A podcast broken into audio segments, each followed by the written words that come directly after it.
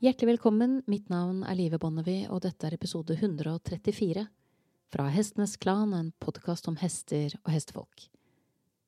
I dag skal du få møte en forfatter og en som har orientert seg mot noen kaller empatisk kommunikasjon med dyr. Jeg snakker om Emily Kaisdottir, som eh, driver en gård som heter Friskerød, som ligger i Tanumsedet i Sverige. Der har hun rundt 160 dyr som hvis det ikke hadde vært hos henne, ville vært eh, avlivet. Og blant de 160 dyrene så har hun 65 hester. Jeg har eh, invitert henne for å snakke med henne om en utfordring som har dukket opp. Dette prosjektet med å ha hester på den måten som Emily har, det er noe hun har drevet med i ca. 30 år. Og så har hun da kommet i en situasjon hvor de beitemarkene som er blitt brukt av hennes hester, er eh, tilknyttet noen gårder som er i ferd med å bli enten solgt eller gjort om til solcelleparker. Så eh, jeg har hatt lyst til å ta en prat med henne om status, rett og slett. Det er litt sånn grumsete start på intervjuet. Vi har ikke snakket sammen på noen år. I hvert fall ikke veldig ordentlig. Og eh, ja, vi er bare egentlig veldig, veldig glad for å, for å ta opp tråden igjen, sånn at vi ler og koser oss. Men vi kommer eh, tidsnok til saken. Så kommer det det gjennom de første to minuttene, så er eh, mye gjort.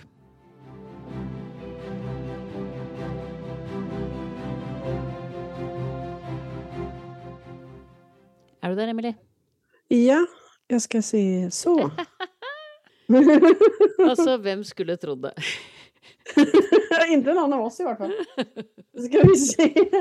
Jag ska stänga av eh, så telefonen så att jag sparar också. allt uh, wifi jag har här. Ja. ska vi se. Du, jag ska flytta bara runt lite så jag sitter bättre. Sitter du, sitter du nu i det samma huset som jag var där jag besökte dig? Ja, så måste det vara. Och så tror jag kanske på samma sted.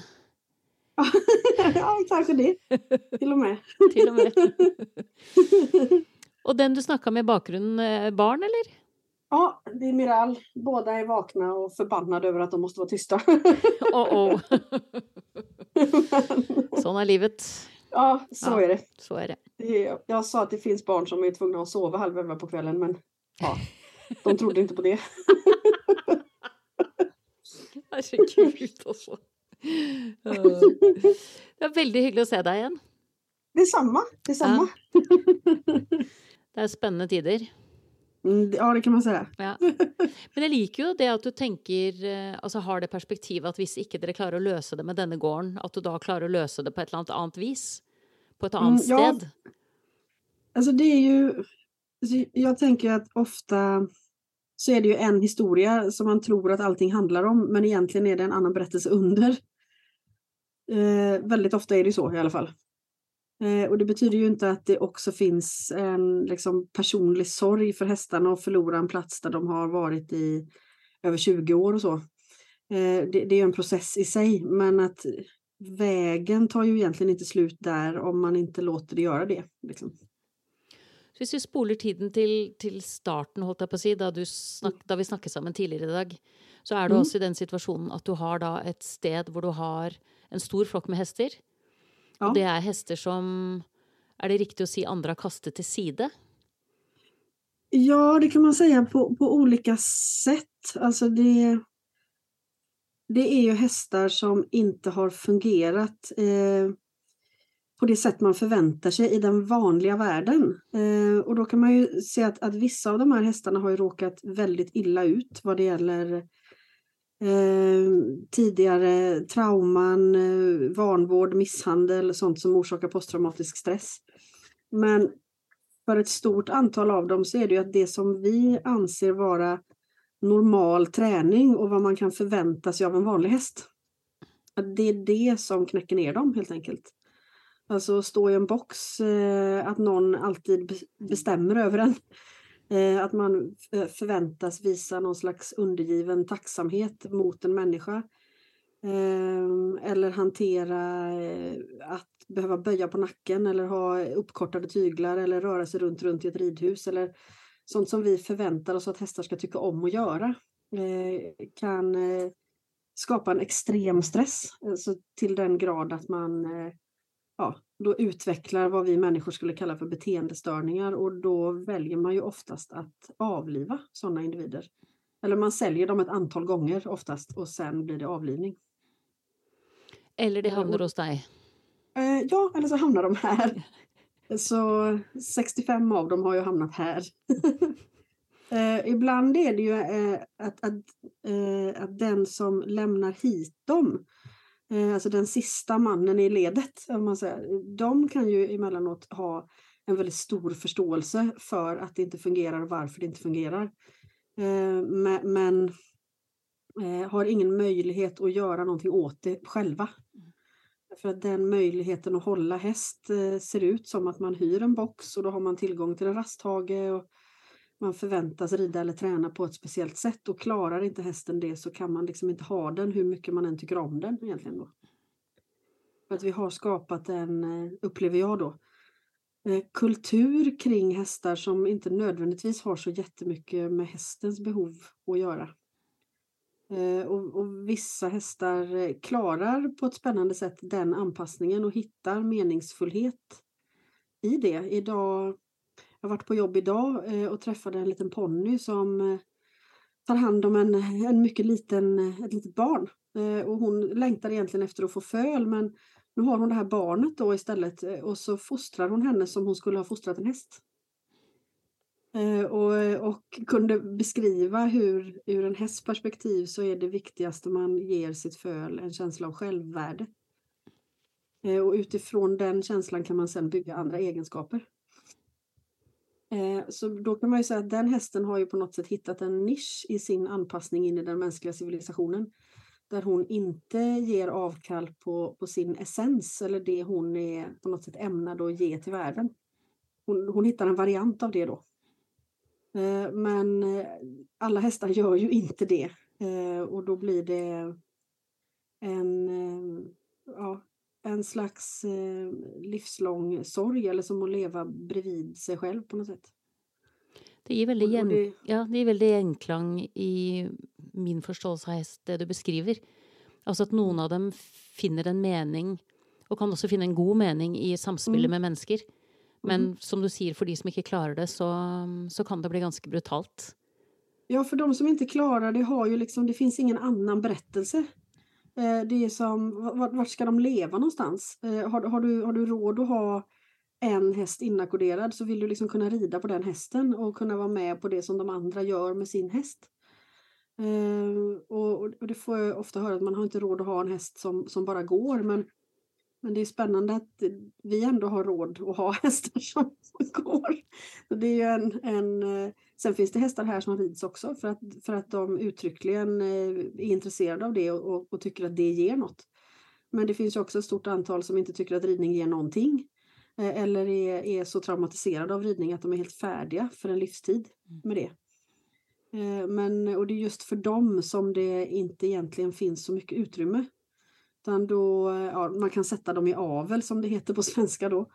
Men det är ju inte helt okomplicerat det heller. Du ska producera en fölunge som egentligen ägs av någon annan och som i ett skede kommer att tas ifrån dig och säljas vidare. Så det är ju inte hur gulligt som helst det heller. Så de, de vi inte kan använda, de eh, tar vi ju oftast bort. Det, det låter ju helt hemskt när man säger det, men det är ju ändå det är ju baksidan av den här eh, kulturen ser ju ut så. Men det du har gjort då med att, jag tror hvis du hade gjort det här i utlandet så vill man kalla det ett sanctuary, vill man det? det? Det tror jag. Det finns inte riktigt något svenskt ord för det. Inte någon norsk heller tror jag faktiskt. Så vi använder ibland ordet fristad, men det är inte samma sak. Som, alltså, för mig får inte det ordet riktigt samma innebörd som sanctuary. Vi har ju sett i praxis, jag besökte dig ju, det är många år sedan nu, men jag har besökt dig och flocken din och, och sett i praxis mm. Och mött flera av hästarna som du hade där den mm. gången. Mm. Uh, och det gjorde ju starkt intryck på mig. Uh, husker särskilt den lilla ponnyn du hade som hade uh, mycket vita hår på manken. Så att du skönjer mm. att han hade haft skador efter salen. Och så mm. var han en sån liten typ som är akkurat den åldern hvor, hvor de må byttes ut ganska många gånger. Fordi at mhm. rytteren hele tiden vokser fra dem. Og jeg mm. husker han gjorde Det var han, og så var det en, tror jeg, en ganske, eh, ganske rutinert spranghest. mm. som, som, var väldigt tydlig på att, att det måste vara på hans premisser, eller så, mm. så, var det, så, så skedde det inte. Nej, precis. Mm. Så det är de två jag husker bäst från där jag besökte dig sist, och bägge två gjorde starkt intryck på mig, för mm. han hade haft en lång tro tjänst, så som jag förstod honom. Mm. Um, och så hade han på något fått möjligheten till att uttrycka något annat, alltså att han sa nu är det nog. Och den mm. lilla ponnyn som, som säkert inte hade gjort annat än sitt bästa hela livet och, och haft så mycket ont, då, för det var ju så tydligt mm. att se på ryggen fortsatt. Så det gjorde mm. intryck på mig att tänka att ja, detta är de hästarna som andra har kastat till sida. Och så, mm. så har de fått en ny chans till att ha ett annat liv hos dig. Mm.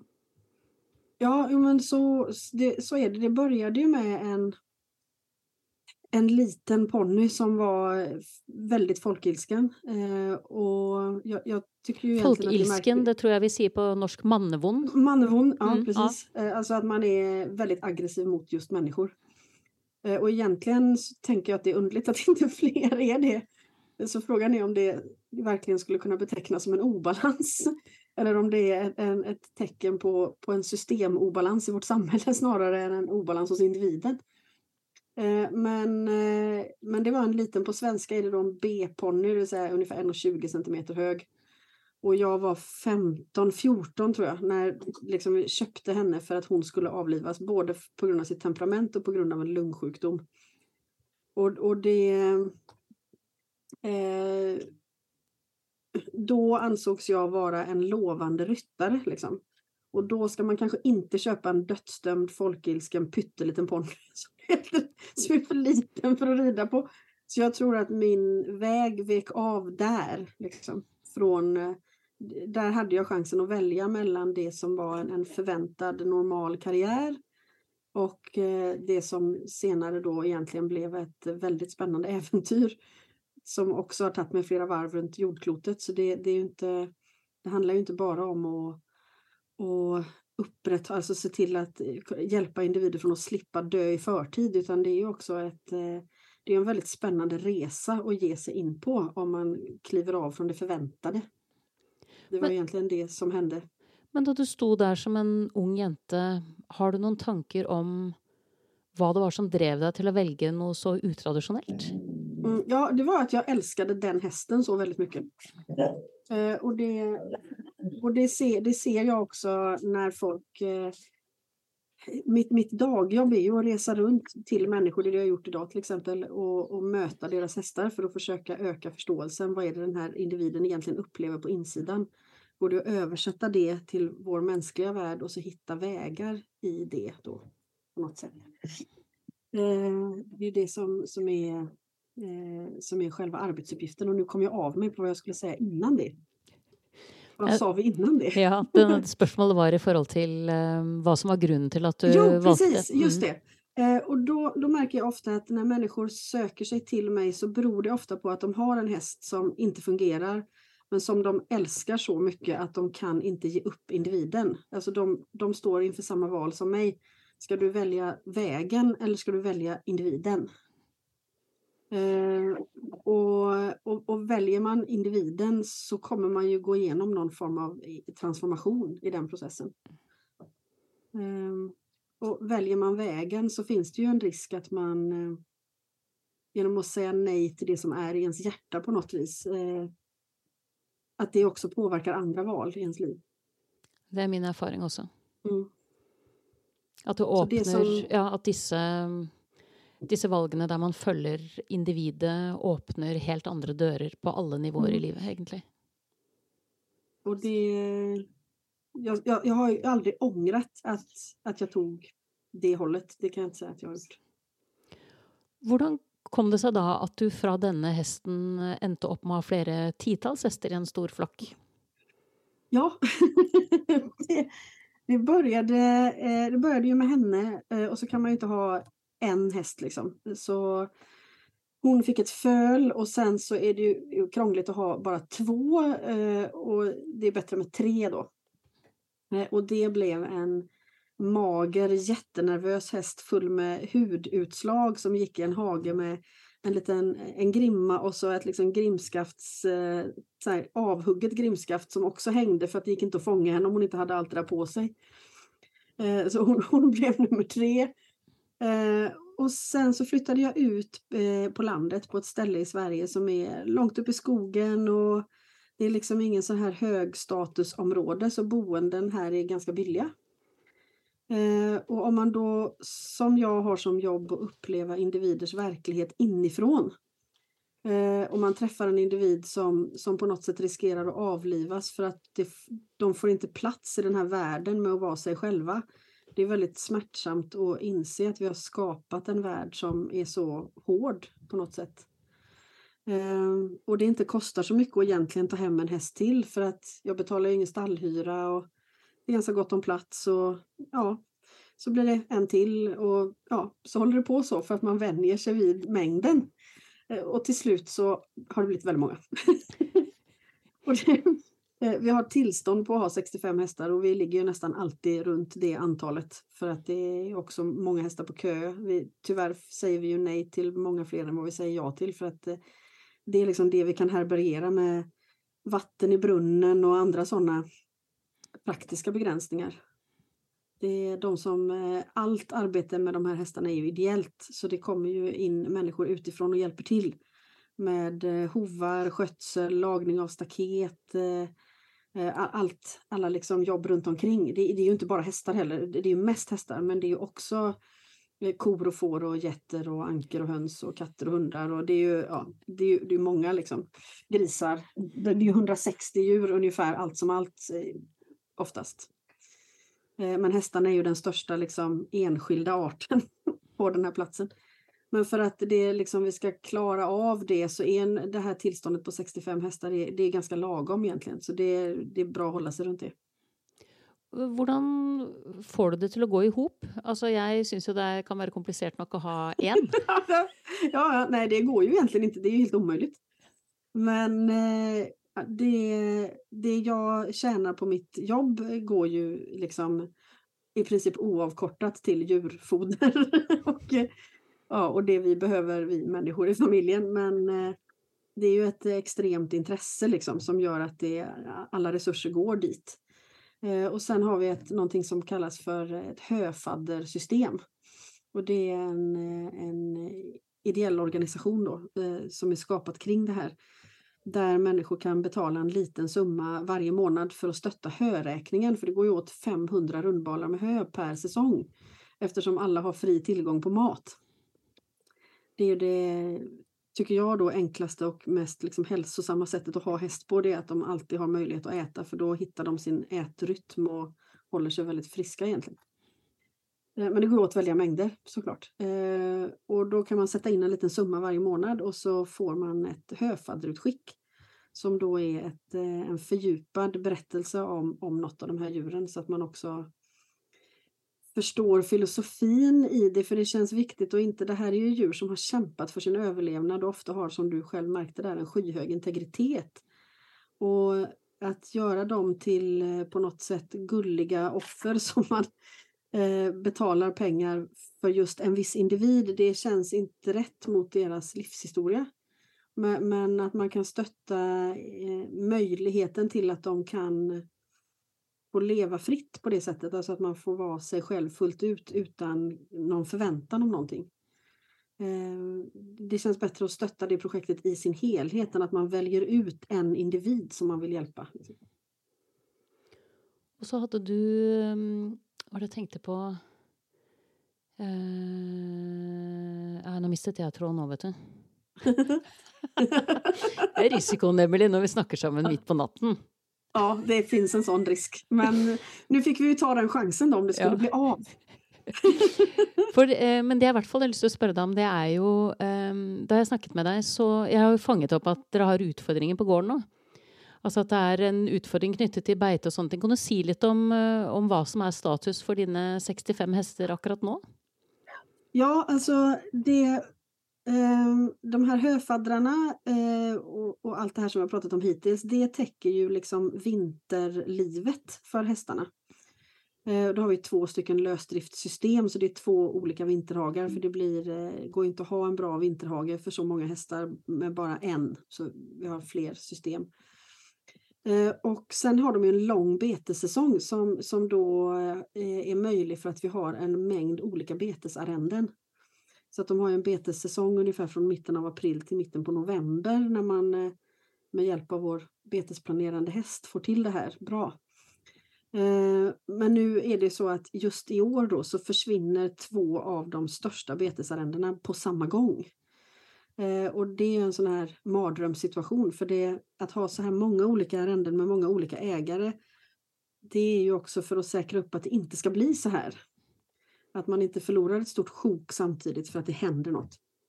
Eh, och det här har ju fungerat ganska okomplicerat i nästan 30 års tid och så plötsligt så, så rasar allt samtidigt då, bestämde det sig för. Eh, och det, den ena hagen ska bli en solcellspark eh, och den andra ska eh, ligger ut till försäljning på grund av personliga saker som har hänt i den familjen. Eh, och där finns det också en sorg kring att den har funnits i samma familj i nio generationer och plötsligt så bryts allting för dem också då. Eh, så de önskar ju att vi på något sätt skulle kunna lösa och köpa loss den här gården och fortsätta ha hästarna där på det sättet som är nu.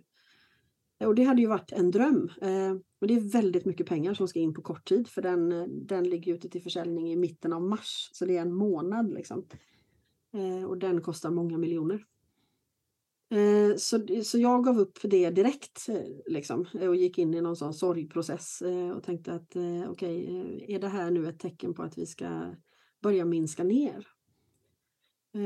Och någonstans så har det ju ändå inte känts så för att intresset för det här och det här förhållningssättet till djur, att försöka för människan att verkligen försöka närma sig sin omvärld och förstå vad är det andra arter egentligen upplever i förhållande till oss.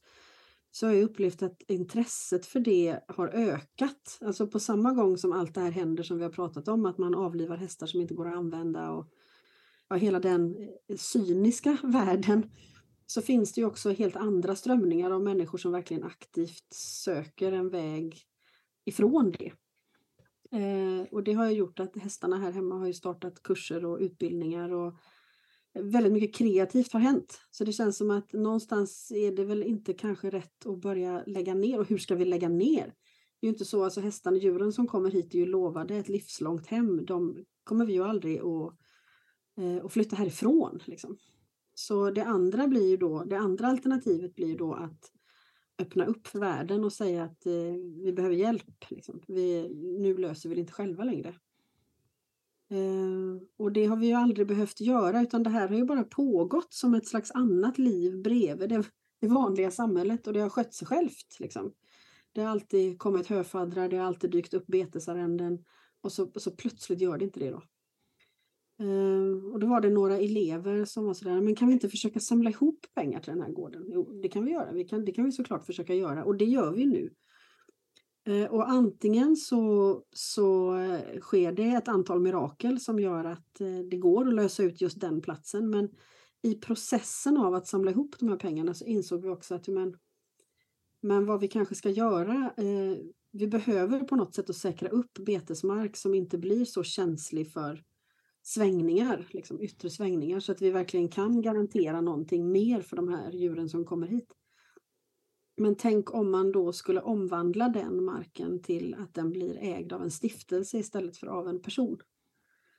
Eh, för skulle marken ägas av en stiftelse då betyder det egentligen att marken ägs av sina egna värderingar juridiskt sett. Och det betyder i så fall att det här projektet blir självbärande förbi mig som person till exempel. Och det är en väldigt eh, tilltalande tanke att en idé på något sätt bär sig själv. Ehm, och särskilt om den idén grundar sig på att vi som människor på något sätt som art väldigt länge har levt separerade från vår omvärld. Vi är på något sätt betraktare i den här världen. Där vi eh, Eh, där vi på något sätt tror på vårt eget tolkningsföreträde. Eh, så till den grad att, att, eh, att vad jag tror att hästen känner blir sant. Eh, mer än hästens egen upplevelse. Eh, och, och det där någonstans så när, när vi tar hem en häst hit och den skrivs över på mig Eh, Eh, då är det ju inte för att jag, då är det inte så att jag eller någon av oss upplever att jag äger den. Den skrivs över på mig för att det är jag som har de här tillstånden. Eh, men vad som också händer är ju att, eh, och det var en häst hemma som kunde beskriva det i förhållande till en annan ägaröverskrivning. Att när den första ägaren skriver på kontraktet, att, att jag ger ifrån mig hästen, så dröjer det ju lite innan den nya ägaren har skrivit på ägarskapet. Däremellan uppstår ett glapp. Där någonstans insåg hon att hon faktiskt inte var ägd.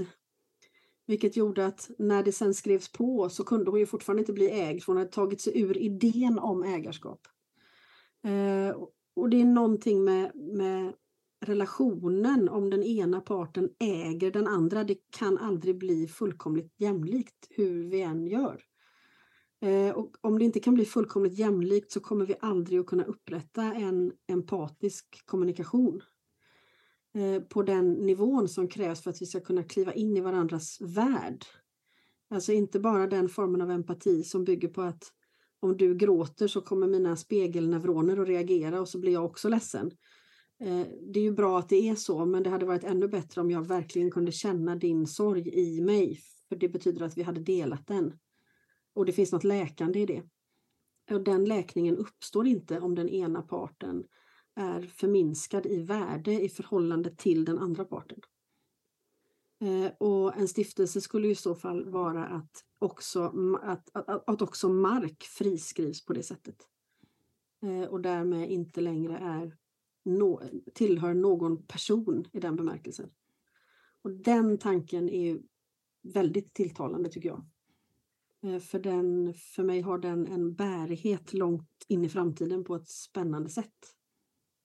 Och jag, jag tänker också att eh, det handlar inte bara om hästar egentligen, även om det utspelar sig bland hästar, men, men vårt problem med, med överutnyttjande av resurser och skövling av all natur som kommer i vår väg bygger på något sätt på samma problem, att vi har inte förmåga att på riktigt i oss själva uppleva vad naturen upplever och därför har vi inga, inga spärrar. Eh, och, och, vi får väldigt svårt att hitta lösningar på några problem så länge vi fortsätter att ha den här kanske till synes bekväma avskiljningen från resten av världen. Eh, så tror jag den är extremt skadlig och att den skapar väldigt mycket sorg i oss människor egentligen. Det tror jag du har helt rätt i och det är det som gör ditt projekt så intressant. Mm. För det är ju en helt, eh, du berättar en helt annan historia. Mm. Än den vanliga historien. Mm. Jo men så, så är det. Eh, och, det beror ju också på att jag lyssnar mycket mer på egentligen, alltså eh, i, i tid på dygnet så går ju väldigt många timmar till att ta in andra erfarenheter av den här världen än de, bara de rent mänskliga. Och då förstår man på något sätt att det som vi definierar som verklighet, det är ju egentligen bara en bild av hur en människa med mänskliga sinnen upplever den här planeten. Det finns ju ingen absolut sanning i det egentligen. Eh, men eftersom vi aldrig jämför det med någonting annat så blir det ju det, enda vi vet om och därmed blir det sant. På något sätt. Jag tänker ju att eh, jag har lust att slå ett slag för att folk i hvert fall ska veta om det projektet du har. Mm. Um, jeg tenker at det kan være greit å dele noen linker på hjemmesiden som følger med denne podkasten. Sånn at det er mulig for folk å mm. orientere seg. Dels fordi jeg vet at det er mange som er på søken etter noe av det som du har funnet. Mm. Uh, og dels fordi jeg tenker at det også fins folk der ute som har lyst til å støtte dette. Fordi det har hestene fortjent, tenker ja. jeg. Jo, men jag, jag, jag känner också det. De, på något sätt blir det att varje häst representerar alla hästar också. Att det vi, eh, vi är ju, eh, jag ska inte säga att vi är skyldiga dem, fast på sätt och vis är vi också det med tanke på allt vi ställer alltså. till med. Eh, och framförallt att vi, vi har ju tagit så väldigt mycket som art, vi, vi tar ju det vi vill ha. Liksom. Det, det vi gör genom historien är att vi avpersonifierar den andra och sen tar vi det vi vill ha. Det, det är så vi gör. Och på något sätt så måste vi återställa detta. Det är vi, det är vi skyldiga att göra, även om eh, det också är våra förfäder som har ställt till med detta. Men vi är skyldiga att rätta till det, för det här kan vi liksom inte lämna över till våra barn. Det, det är inte okej okay att lämna över det så som det är nu, tänker jag. Eh, och, och, då får väl den, eh, den andra vägen får ju vara att vi, vi personifierar världen då, eh, en efter en individ. och lämnar tillbaka det rättmätiga värdet till där det hör hemma, det vill säga hos varje levande varelse. Och det vet jag en, en eh, eller flera djur som egentligen har beskrivit att oavsett hur stor eller liten man är, liksom, om man, eller om man är en växt eller ett djur eller en häst eller en eh, vad det är, så, så består man av en lika stor del liv. Du har inte en mindre eller större själ för att du är eh, en människa eller en myra eller ett träd. Liksom. Utan vi består av samma mängd liv. Och där finns ju någon slags grundläggande rättighet till att vara med i skapelsen om, efter, från, från det att du är född eller skapad eller att fröet har börjat gro. Från den punkten så finns det ju inga skillnader i värde egentligen. Eh, och det är också det det handlar om på något sätt, tänker jag. Eh, och vi kan egentligen bara uppleva det värdet som en faktisk sanning när vi lär känna varje individ. Så man får ju börja i den ordningen, tänker jag då. Eh, och det är det som vi också gör på de här kurserna, att vi liksom, människor får helt enkelt träna på att eh, öppna upp sitt jag till att kunna in, ja, inkludera mer än bara idén om en själv. Liksom. För det är där vi blir så väldigt separerade. Och då håller vi ju, ja, och, och, då håller vi nu också på då och samlar ihop material som ska finnas lite mer tillgängligt. För det här är ju väldigt svårt att förklara. Alltså det, är ju, det underlättar väldigt mycket att förklara det i ett samtal. Det är svårt att få ner det i en text egentligen. Eh, men att vi ändå håller på och lägger upp ett slags bibliotek av lite olika texter och det kommer tillkomma inspelningar och filmningar och för, att, för att hitta olika sätt att berätta den här historien. Som du säger, för att det här är helt andra historier som vi oftast inte, vi är inte så vana vid att höra dem, men jag tror som du säger att såklart många tycker bara att det är undligt, men jag tror att hos väldigt många så finns det en stark längtan egentligen. Jag tror också som du säger, eh, som jag känt på själv, också en sorg över att man har mm. mistat något som man inte helt vet vad är. Mm. Alltså, jag tänker ofta på det när vi ser, eh, i hvert fall i Norge så snackar man mycket om psykisk hälsa hos unga för exempel. Mm, det är samma i Sverige. Ja, och det är ju så närliggande, ja, och det är ju så närliggande att tänka sig att en bit av det må ju handla om att vi är så långt från det vi är skapt för att vara. Mm. Så vi blir främmedgjorta för oss själva. Eh, och då mm. tänker jag att den motvikten som du både tilbyr hästen och de människorna som kommer till dig är väldigt värdefull. Mm. Jo, det, och det som fascinerar mig är ju de här hästarna. Okay, de har behövt många år för att läka, men, men att de uttrycker ju, alltså när de har läkt så är det, det de gör är ju att de faktiskt väljer att hjälpa oss människor att hitta en väg tillbaka. Och det tänker jag att det hade de ju inte behövt. De hade ju kunnat egentligen säga att ja, men den här planeten vore ju enklare utan er. Vi låter er eh, liksom förstöra er själva då, om det är det ni har tänkt. Men det säger de ju inte. Alltså, det är ju inte det de gör. Så det minsta vi kan göra i gengäld är ju i alla fall att försöka eh, och försöka eh, ta till oss de här historierna. Liksom. Det är väldigt fascinerande mm, den viljan som du beskriver i förhållande till att de hjälper oss. Jag har varit i mm. sådana mm, situationer hvor, hvor det har varit typiskt att människor har på något jobbat eller varit med hästar från backen. Och hvor de själv kommer i kontakt med andra sidor av sig själva och att de får en slags transformation mm. i möte med hästen. Och det är så otroligt fascinerande att se, om man då i någon av dessa settingarna har ju då detta föregått på, en, på ett avgränsat område där det har gått lösa hästar utanför. Alltså en flock med hästar har varit runt. Och med en gång en sån mänsklig transformation, eller en transformation i hästen på banan, sker, så kommer alla samman till gärdet och följer mm. med. Mm. Så ni har en dragning mot växt. Ja, och det är bara så otroligt synd att det är så många som går glipp på den sidan av hästarna. Mm. Att de har en sån en vilja eller ett önske eller en jag vet inte hur jag ska beskriva det, men att, men att det väger så tungt för dem. Att mm. alla på något sätt når den bästa versionen av sig själv på ett eller annat vis. Ja, och, och det är det som är så fascinerande om man, om man plockar ner den här eh, normala hierarkiska tanken som de flesta av oss utgår ifrån, förmodligen för att vi människor förhåller oss till eh, linjär tid, alltså vi upplever en sak i taget. Eh, vilket, vilket gör att vi på ett det blir ganska naturligt att vi därför jämför allting med vartannat. Alltså vi, vi tolkar världen på grund av en mängd jämförelser. Och vi märker kanske inte att vi också lägger skillnader i värde i de jämförelserna. Om, om man inte skulle uppfatta världen linjärt, om man liksom leker med den abstrakta tanken, för så verkar det vara när man upplever hästars värld inifrån, eh, då, då kommer inte den här fördömande jämförelsen egentligen överhuvudtaget, för den har ingen relevans i ett sådant system eller i en sån tid. Eh, och de beskriver också sina flocksystem som att eh, inte bara det bästa sättet att överleva utan för att vi faktiskt vill leva tillsammans och vill vi leva tillsammans så är det här kanske det mest effektiva sättet att göra det på. Att alla använder maxkapacitet vid rätt tidpunkt, det vill säga man har inte en individ som konstant bestämmer för sakens skull över alla de andra oavsett vad det är för situation. Utan du har ett system där Ja, men kommer det ett rovdjur då finns det någon som är bäst lämpad att slå ifrån. Eh, det finns någon som är bäst lämpad att kunna se vad som sker på långt håll. Det finns någon som är bäst lämpad att hitta vatten.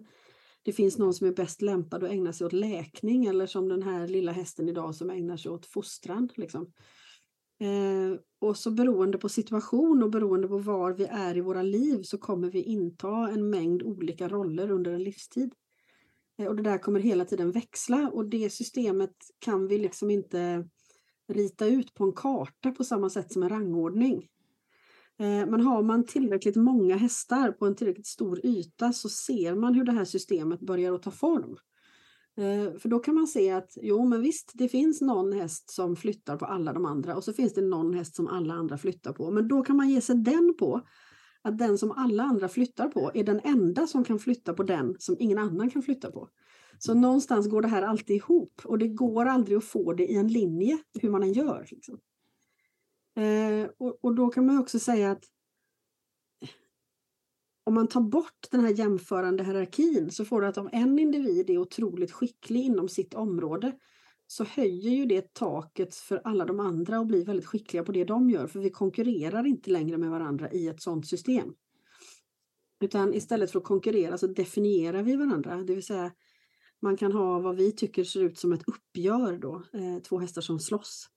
Frågar man dem så, så kanske de egentligen inte ägnar sig åt kamp på det sättet att den ena ska vinna över den andra och sen är det klart. De kanske ägnar sig åt att definiera vem man är i förhållande till den andra. Så, eh, den ena är snabbare, den andra är starkare, den ena ser bättre, den andra hör bättre. Man lägger liksom fokus på det man är bra på och så lyfter man fram det. Och då är man inte intresserad av att någon i flocken försvagas, för det skulle i så fall sänka eh, taket för alla. Och då är man egentligen inte intresserad av att en människa försvagas heller. Så när vi närmar oss dem och föreställer sig att de är ute efter en maktkamp och ska veta vem som bestämmer så får vi ett väldigt förvirrande samtal. Om hästens uppgift egentligen är att definiera vilka vi är på insidan och lyfta fram det vi är bäst på och vi å andra sidan ber hästen hålla käften för att vi inte vill bli provocerade.